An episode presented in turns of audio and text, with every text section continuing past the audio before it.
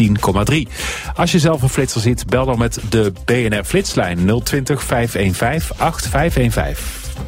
BNR Nieuwsradio. Verstand van zaken. Thomas van Zeil. De klimaattop in Warschau nadert zijn climax of anticlimax, want de verwachtingen zijn laag. Staatssecretaris Wilma Mansveld van Milieu reist morgen af naar Warschau. Waar gaat zij op inzetten? Dat en meer zometeen in BNR Duurzaam. Nu eerst het nieuws van half vier met Lucas Cornelis. Goedemiddag.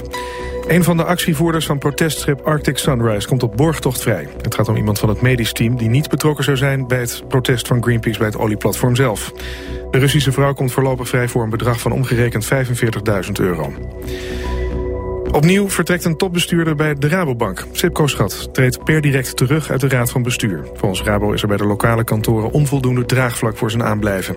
Schat gaf onder meer leiding aan de internationale activiteiten van de Rabobank. Drie weken geleden nam, topman Piet Moerland ontslag... en dit naar aanleiding van het schandaal rond het manipuleren van de LIBOR-rente. Een pensioenakkoord is nog niet in zicht. Minister Dijsselbloem van Financiën heeft opnieuw overlegd met de oppositiefracties... maar de partijen zitten vooralsnog niet op één lijn. Het kabinet wil vanaf 2015 de jaarlijkse pensioenopbouw verlagen van 2,25 naar 1,75 procent van het inkomen. Maar de oppositie vindt dat veel te ver gaan. Overmorgen gaan de besprekingen verder. Dan de beurzen. Wall Street is inmiddels van start gegaan. En vlak na opening kleine plusjes daar. De Dow Jones 0,3% erbij, Nasdaq 0,1% En de AEX nog wel onder de 400 punten, maar ook een plus van 0,6% 398 punten. BNR Duurzaam wordt mede mogelijk gemaakt door Essent. Pionier in duurzaamheid. BNR Nieuwsradio. BNR Pro met nu duurzaam. Thomas van Zeil. Hulporganisaties en bedrijven hebben meer dan 20.000 op zonne-energie gedreven lampen en opladers besteld voor verzending naar het rampgebied op de Filipijnen. De VN-klimaattop in Warschau gaat de laatste week in. Worden er nog knopen doorgehakt? We vragen het aan staatssecretaris Wilma Mansveld van Milieu, die morgen afreist. En de lijst met 100 meest duurzame jonge Nederlanders is gepubliceerd. Bestaat er eigenlijk zoiets als een groene elite in Nederland? Onder meer daarover praten we met twee van de winnaars. Maar nu eerst het duurzaamheidsnieuws van deze week. Met Mark Beumer van duurzaambedrijfsleven.nl. Goeiedag. Hallo. Gelijktijdig met die klimaattop vindt in Warschau ook een bijeenkomst van de internationale kolenindustrie plaats. En in de aanloop naar die bijeenkomst werd een wel hele mooie nieuwe innovatie gepresenteerd. High efficiency kolen. Die zouden goed zijn voor het milieu, maar dat is onzin, zeggen de wetenschappers nu. Uh, eerst even over die high efficiency kolen. Nieuwe term. Inderdaad, klinkt als een mooie belofte. Maar wat is het precies? Ja, het is een wondermiddel. Althans, als we de, de World Coal Association uh, moeten geloven. Dat is ja, een soort uh, belangenvereniging voor de, de kolenindustrie. Ja, die zijn dus gekomen met de term high efficiency coal. Wat het precies betekent...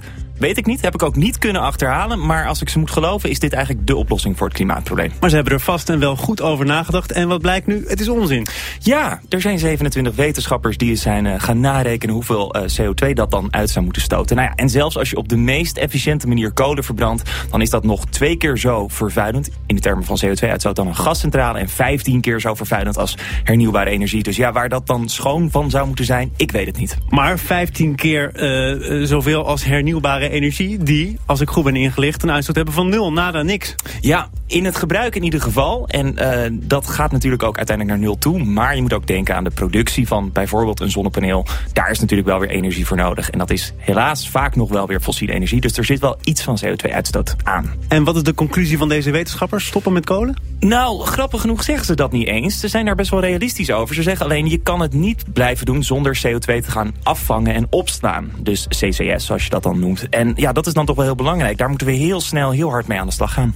Twee gigantische bedrijven, Google en Facebook, zetten allebei forse bedragen opzij voor energiebesparing en hernieuwbare energie. Maar nu blijkt dat deze twee bedrijven ook een donkere zijde hebben. Beide bedrijven hebben geld gedoneerd aan notoren klimaatontkenners. Dat roept de vraag of zijn ze nou duurzaam of niet. Ja, is dat een tegenstelling, moet je je afvragen. Maar ik bedoel, ze zijn zeker duurzaam. Uh, bijvoorbeeld alleen vorige week nogal. Als je gewoon het nieuws volgt, Google investeert 400 miljoen dollar in zes zonneparken. Facebook, nieuw datacentrum wat volledig draait op windenergie. Ja, ze zijn wel duurzaam, dat wel, maar... Ze houden hun wegen open naar mensen die misschien een andere weg willen bewandelen. Ja, zeker. En dat is wel mooi. Dat is dan dus nu de grote onthulling. Het blijkt bijvoorbeeld dat Google uh, een fundraiser heeft georganiseerd voor een republikeinse senator, Jim Inhofe En dat is niet zomaar een klimaatskepticus, dat is een man die met, met rieken en hooivorken achter klimaatwetenschappers aangaat. Die wilde bijvoorbeeld nog uh, 17 klimaatwetenschappers juridisch vervolgen naar ClimateGate. Dat was, waren die gelekte e-mails van uh, IPCC-wetenschappers. Uh, als je kijkt naar Facebook, die hebben geld gedoneerd aan de CEI. En dat is dan een of andere schimmige lobbyorganisaties, ultraconservatief in de VS. Dus we zullen ons oordeel over deze twee bedrijven misschien nog even moeten uitstellen voordat we alle feiten op een rijtje hebben. Misschien, misschien wel, ja, dit zijn de feiten. Ja, het, het, kan natuurlijk ook allebei zijn. Maar dat is wel belangrijk om dat even te vermelden. Laten we afsluiten met iets dat overal sowieso positief is. Overal om ons heen is straling. Denk bijvoorbeeld aan radiogolven, lichtgolven en natuurlijk wifi. Maar die golven die zitten vol energie die, als ze niet gebruikt worden, verloren gaat. Slimme Amerikaanse wetenschappers hebben nu een foefje bedacht... om verloren energie terug te winnen uit een wifi-signaal. Hou het kort en positief. Kort en positief. Uh, dit werkt op dezelfde manier als een zonnepaneel. Die zet lichtgolven om in stroom. Nou, dit apparaatje gebruikt uh, wifi-signalen. Ja, Zo'n wifi-zender staat de hele dag aan, staat maar te stralen. Dat is allemaal energie die verloren gaat. Dat kunnen zij nu omzetten met een efficiëntie... waar je gewoon nog een telefoon mee kan opladen ook. Dus het heeft nog echt zin ook. En het is direct praktisch toepasbaar nu al? Nog niet direct praktisch toepasbaar. Nee, Thomas. Maar desondanks houden we het positief. Dankjewel, Mark Beumer van duurzaambedrijfsleven.nl. Graag gedaan. BNR Nieuwsradio. BNR Pro met nu duurzaam. Slachtoffers en hulpverleners op de Filipijnen kunnen in ieder geval rekenen op licht. Meer dan 20.000 lampen en opladers die draaien op zonne-energie gaan namelijk nu direct naar het rampgebied. En die partij die wordt geleverd door het Nederlandse Wakka Wakka. Uh, oprichter daarvan is uh, duurzaam ondernemer Maurits Groen. Uh, lampen en opladers lijkt me belangrijk voor de slachtoffers van de Filipijnen. Maar als ik eerlijk moet zijn, denk ik toch direct aan eten, drinken, een deken. Waarom hebben ze ook behoefte aan lampen? Nou, die eerste dingen hebben ze natuurlijk zeker nodig. Maar uh, als je niet weet waar uh, je vader gebleven is, of waar je kind gebleven is, of als je kind toevallig 30 kilometer verderop in een ziekenhuis is opgenomen, en je moet steeds heen en weer, uh, omdat je ook thuis voor, voor een ander kind, wat je nog wel zelf kunt verzorgen, moet zorgen. Dan is bereikbaarheid en weten waar je überhaupt eten kunt krijgen, waar je water kunt krijgen, waar opvang is, et cetera. Dan is dat van, van levensbelang, letterlijk. Je zag ook afgelopen dagen de meest bizarre foto's van mensen die probeerden om hun mobiele telefoon op te laden, die natuurlijk na één dag leeg is. En ja, er is geen enkele mogelijkheid om dat te doen, omdat ook... Uh, Want met die lamp kun je ook je telefoon opladen? Ja, radio, telefoon, uh, camera, uh, iPad, iPod, noem maar op, ja. Nu zijn er dus echt gigantisch veel lampen besteld, 20.000, dat zijn enorme aantallen. Wie zijn ervoor ja. verantwoordelijk? Wie hebben dat gedaan? Nou, inmiddels zijn, zijn het er al meer. Er is een, een ondernemer die getrouwd is met een Filipijnse uh, die kwam bij ons en vroeg uh, nou, om een aantal uh, voor donatie. Zijn vrouw ging afgelopen donderdag vloog zelf terug naar de Filipijnen. Dus we hebben haar meegegeven wat we op dat moment hadden, een paar koffers vol. toen zei hij, nou, ik vind het zo geweldig. Ik bestelde gewoon uit eigen zak 10.000, huppatee. Zo. IRC, International Rescue Committee, zeg maar de particuliere uh, van de UNSCR, van de Verenigde Naties, die heeft er inmiddels 7000 besteld. Uh, Accenture uh, heeft voor zijn kerst, uh, het kerstgeschenk voor zijn personeel 3500 dingen besteld. Dus die aantallen lopen alleen nog maar op? Wij, wij doneren ze. Ernst Young, EY, hoorde ik net vijf minuten voor, voor deze uitzending, heeft er duizend gedoneerd. We hebben er zelf, om te beginnen, om een startje te maken, ook duizend gedoneerd. Dus we kunnen inmiddels met, met wat we inmiddels nu vandaag, de eerste dag van de actie binnen hebben, kunnen we al ongeveer 125.000 Filipijnen van licht en en uh, stroom voorzien. Cruciale vraag is natuurlijk altijd bij dit soort projecten en bij elk hulpproject... hoe zorgen jullie dat die lampen ook op de plek komen waar ze het hardste nodig zijn? Goeie, hele goede vraag. Uh, in het eerste geval, dus die paar koffers, die mevrouw die zelf uh, terugging naar de Filipijnen... naar haar familie, waar ze overigens een heel dorp waar zij woonde... en waar haar familie woonde, weggevaagd zag. Dus ze hadden helemaal geen aanknopingspunt meer waar die mensen gebleven waren. Ze heeft ze gelukkig wel gevonden. Dus die komen sowieso daar waar het het hardste nodig komen is? Daar, die komen daar. Uh, er gaat, uh, donderdag gaat een tweede uh, vliegtuig, hulpvliegtuig van de Nederlandse regering daar naartoe. waarschijnlijk gaan een flink aantal wakkerwakkers, omdat ze zo klein en compact en licht zijn, ook daarin mee. Omdat ze weinig ruimte innemen. En vervolgens zorgen ze ervoor dat via IRC, die zelf hele goede connecties heeft, en de verschillende hulporganisaties samenwerken in uh, SAO, de Giro 555 organisaties, Habitat for Humanity, Rode Kruis en dergelijke.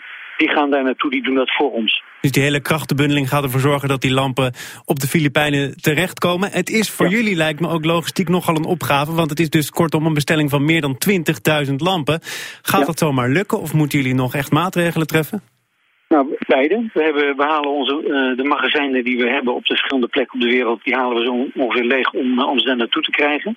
Uh, we gaan soms waarschijnlijk zelfs mensen vragen die dingen besteld hadden bij ons, of ze misschien zo vriendelijk willen zijn om even te wachten, omdat ze in de Filipijnen op het ogenblik harder nodig zijn.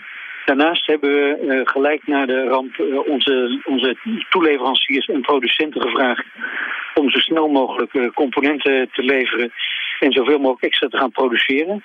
Dat was nog best een opgave, omdat we, als je een succesvol bedrijf hebt, dan kan je ten onder gaan aan je eigen succes, omdat je krediet nodig hebt om voorraden en een nieuwe productie te laten maken. Ja, om dat eventjes naar een volgend plan te tillen. J jullie blijven heel erg ambitieus, want het volgende plan is Rwanda te voorzien van licht. Ja. Uh, dat staat natuurlijk ook nog altijd en meer dan zomaar in de stijgers. Daar komt nu dan dit tussendoor. Hoe gaan jullie dat met elkaar combineren? Uh, nou, we gaan het er gewoon naast uh, doen. De planning uh, die blijft ongewijzigd. We gaan het voorjaar een grote pilot doen. En een tweede gedeelte van het volgende jaar een supergrote pilot. Zodat we zeker weten dat het nieuwe concept, wat nu een beetje te ver wordt om dat uit te leggen, waardoor zelfs de allerarmste mensen die 2 dollar per dag verdienen, kunnen voorzien van die Wakka Power, licht en, en stroom. dat we zeker weten dat we dat, dat project zo opzetten dat we het daadwerkelijk vlekloos kunnen laten verlopen. Ja. Dat gaat namelijk om, uh, om 11 miljoen mensen die we in, uh, binnen twee jaar dus het hele land willen bevrijden, om zo maar even te zeggen, van de kerosine. En dat betekent ook dat dat land dadelijk niet meer 250 miljoen dollar hoeft weg te gooien aan fossiele brandstof. Heb ik nog één vraag, want we blijven natuurlijk BNR. Ik uh, zie grote mooie projecten nu op de Filipijnen, omdat het er hard nodig is. In een later stadium weer in Rwanda. Dat lijkt en me Syrië, niet... En in Syrië. En Syrië. We waren al bezig met een voorbereiding. Ja. In actie 25 november, die gaan we ook doorzetten. Nou, sluit uitstekend aan op mijn vraag, want het lijkt me alle drie niet de gebieden waar het grote geld te verdienen is. Hoe gaat u dat voor elkaar krijgen? Nou, wij zijn niet opgericht om het grote geld te verdienen om te beginnen. We Misschien wel een klein beetje geld te verdienen dan. Nou, we willen produceren om impact te maken en daar hebben we geld voor nodig. Dat zetten we dan weer in voor, voor nieuwe projecten. Um, wij zoeken, hè, als ik dat bij deze mag zeggen, financiering. Mensen die kunnen bij ons een fatsoenlijke rente krijgen, omdat banken huiverig zijn, omdat we nog maar zo kort bestaan uh, en geen uh, jaarcijfers van jaren terug kunnen laten zien. En bovendien leveren aan mensen die weinig geld hebben. Gelukkig zijn er met name uh, particulieren die de afgelopen maanden ons echt een hoop geld geleend hebben... zodat we die voorfinanciering kunnen realiseren. Zodat we de productie op gang kunnen uh, houden en, en, kunnen uitbreiden... en daarmee geld kunnen verdienen, zodat die lening kunnen afbetalen. Dat gebeurt op dit moment ook. Oké, okay, dat ziet er dus goed uit. Dank voor nu, Maurits Groen, duurzaam ondernemer... en medeoprichter van Wakka Wakka. BNR Nieuwsradio. Verstand van zaken. De VN-klimaattop in Warschau nadert zijn climax nu de ministers onderling gaan overleggen. Verwachtingen zijn desondanks laag omdat verschillende landen dwars liggen. Staatssecretaris Wilma Mansveld van Milieu reist morgen af. Wat is uw inzet namens Nederland op die top?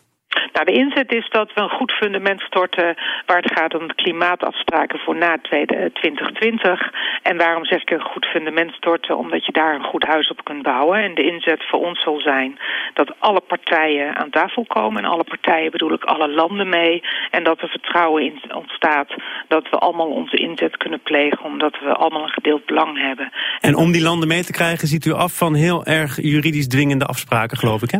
Nou, ik denk wel dat je je afspraken uiteindelijk vast moet leggen. Maar op het moment dat je begint met de voorhand te zeggen... het moet juridisch bindend zijn... ja, dan denk ik dat iedereen zijn advocaat al inschakelt. Terwijl ik merk dat in de hele wereld iedereen druk is met klimaat. En uh, al heel veel doet. En dat het belangrijk is dat we vanuit het positieve... allemaal onze inbreng doen... en dan kijken welke afspraken we kunnen maken. Maar waarom begint dat positieve dan na 2020? Als uit onderzoek van de VN blijkt dat er tot 2020... al wereldwijd veel meer CO2 wordt uitgestoten dan eerder was afgesproken. Kortom... Waarom richten we ons op de lange termijn en niet op de dag van morgen bijvoorbeeld? We richten ons ook op de dag van morgen. We hebben als uh, Nederland gezegd dat we voor 2020 ook extra inzet willen plegen. En dan kunt u bijvoorbeeld denken aan het uh, verminderen of het uit de wereld helpen van de HFK's. Dat zijn die uh, zeer slechte vloeistoffen die onder andere in koelkasten zitten. Nou, dat soort inzet voor 2020, daar afspraken over maken, daar ben ik zeer toe bereid. Maar staan die ook op de agenda in Warschau of is de blik toch meer op de lange termijn gericht? Nee, wij in Warschau hebben natuurlijk politieke besluitvorming in alle landen zijn er. En in die twee weken staan er ook allerlei subonderwerpen op de agenda. En dit zal er een van zijn. Ja, ik vroeg u net wat de Nederlandse inzet zou zijn. Ik kan me voorstellen dat u met het Nederlandse energieakkoord al in de tas zou kunnen zeggen... nou, Nederland moet meer een gidsland worden in dit hele wereldtoneel. Is die rol ook voor ons weggelegd? Ja, dat denk ik wel. We zijn een dichtbevolkt land met specifieke omstandigheden waarin we laten zien dat we dingen kunnen. Um, wat we ook hebben is een uh, vrij handelsgeest en toch een directe manier van met elkaar communiceren. En ik denk dat het belangrijk is dat we al die kwalificaties inbrengen als Nederland om uit te leggen dat we het echt met z'n allen moeten doen.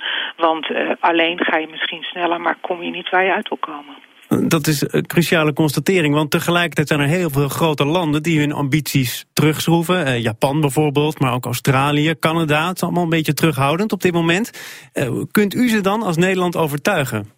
Nou, ik denk dat politiek misschien ambities worden terugge teruggeschroefd. Maar als je kijkt naar inwoners van die landen, zijn die ook bezig met zonnepanelen, zijn die ook bezig met hernieuwbare energie en willen die ook stappen vooruit maken. De kunst is om het zo te doen dat iedereen het gevoel heeft dat ze echt iets bijdragen aan een totale oplossing, zonder dat ze ambities moeten gaan verwezenlijken die voor hun gevoel niet realistisch zijn. We zijn het allemaal eens over het feit dat de aarde niet verder op moet warmen dan die twee graden. En in dat kader is ook Australië hele zinnige dingen aan doen. Ook Japan. Ook ja, maar als we dat met elkaar eens zijn, en ook die grote landen... waarom dan toch een minder ambitieus niveau dan eerder werd gehanteerd? Nou, ik weet niet of dat minder ambitieus is. We hebben in Europa een uh, grote ambitie neergezet. We onderhandelen ook als Europa voor minimaal uh, 40% uh, minder CO2-uitstoot in 2030. Eh, dat zijn eh, de doelen die we ook inbrengen voor het, eh, voor het klimaatarrangement voor de hele wereld. En natuurlijk in onderhandelingen zal iedereen toch eerst zijn eigen belang wegen. Maar uiteindelijk is het belang dat we gezamenlijk verder komen. Ja, is er ook binnen Europees verband wel sprake van één blok? Want bijvoorbeeld in Polen wordt nou zeker niet oogluikend toegestaan dat er tegelijkertijd een conferentie is van internationale kolengrootmachten. Oh, dat wist ik niet, maar dat is wel... Uh, ja, conferenties worden natuurlijk gehouden waar ze gehouden worden. Polen is natuurlijk een land wat uh, inderdaad nog uh, veel kolen gebruikt... maar zich ook bewust is van de stappen die ze moeten maken. Dus voor hun wellicht wat ingewikkelder. Dus het is wel interessant dat die toppen naast elkaar plaatsvinden. Ja, vindt u dat interessant of is het eigenlijk ook wel tekenend... voor hoe Polen daar dan als voorzitter van deze top in staat? Nou, ik, uh, ik heb geen idee of dit uh, bewust of onbewust tot stand is gekomen. Dus dat laat ik verder in het midden. Het is gewoon zo dat ze blijkbaar naast elkaar gehouden worden. En misschien kunnen we een overstapje maken naar de kolentop om te vertellen wat wij daarvan vinden. Nog één eh, afrondende vraag. Dit is eigenlijk een voorbereidende top op een voorbereidende top van wat in 2015 tot stand gebracht moet worden. Wat moet er wat u betreft concreet uitkomen? Wat ik graag wil dat er uitkomt is dat er gekeken wordt... wat kunnen we nou allemaal inbrengen en hoe gaan we dat waarderen. Het gaat om mitigatie, om adaptatie, dus voorkomen uh, en, en aanpassen. Dus ik zou het heel prettig vinden als we met elkaar kunnen afspreken... van wat kunnen we inbrengen en hoe wordt dat gewaardeerd op weg naar Parijs 2015. En wat is een maatregel die u gaat inbrengen? Um, ik zal in ieder geval gaan inbrengen dat uh, uh, Nederland uh, tot minimaal 40% CO2-uitstoot wil. En dat ik het belangrijk vind dat alle landen meedoen.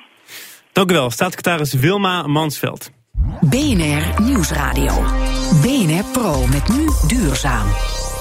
Wie zijn de meest toonaangevende duurzame jonge Nederlanders? Een jury met daarin onder meer Marjan Minnesma, directeur van Urgenda... en NVO-directeur Willem Lageveld koos de 100 meest duurzame jongeren. Ze staan samen in de Duurzame Jonge 100. Daartoe behoort ook onze eigen Mark Beumer... maar ook twee van mijn gasten, namelijk Suze Geem... medeoprichter van de Groene Grachten en de Green Academy... en Stijn Otte, voorzitter van de Nederlandse tak van de Young Club of Rome... en werkzaam bij elektrisch vervoersbedrijf The New Motion... Stan, jij wordt omschreven Stijn. als... Stijn, sorry. Als uh, de, de alfaman van duurzaamheid. Dan lijkt het me toch jammer dat er niet echt een ranglijst is opgesteld. Nou, wat, het, wat de bedoeling is van die ranglijst... is om een horizontale ranglijst te, te hebben. Dus niet dat je een rangorde hebt van... oké, jij bent beter omdat je op 40 staat... en uh, jij bent minder omdat je op 80 staat. Maar dat juist alle mensen die zich bezighouden met duurzaamheid... dag in dag uit. En in dit geval ook jonge mensen... en niet de mensen die al wat grijzer zijn...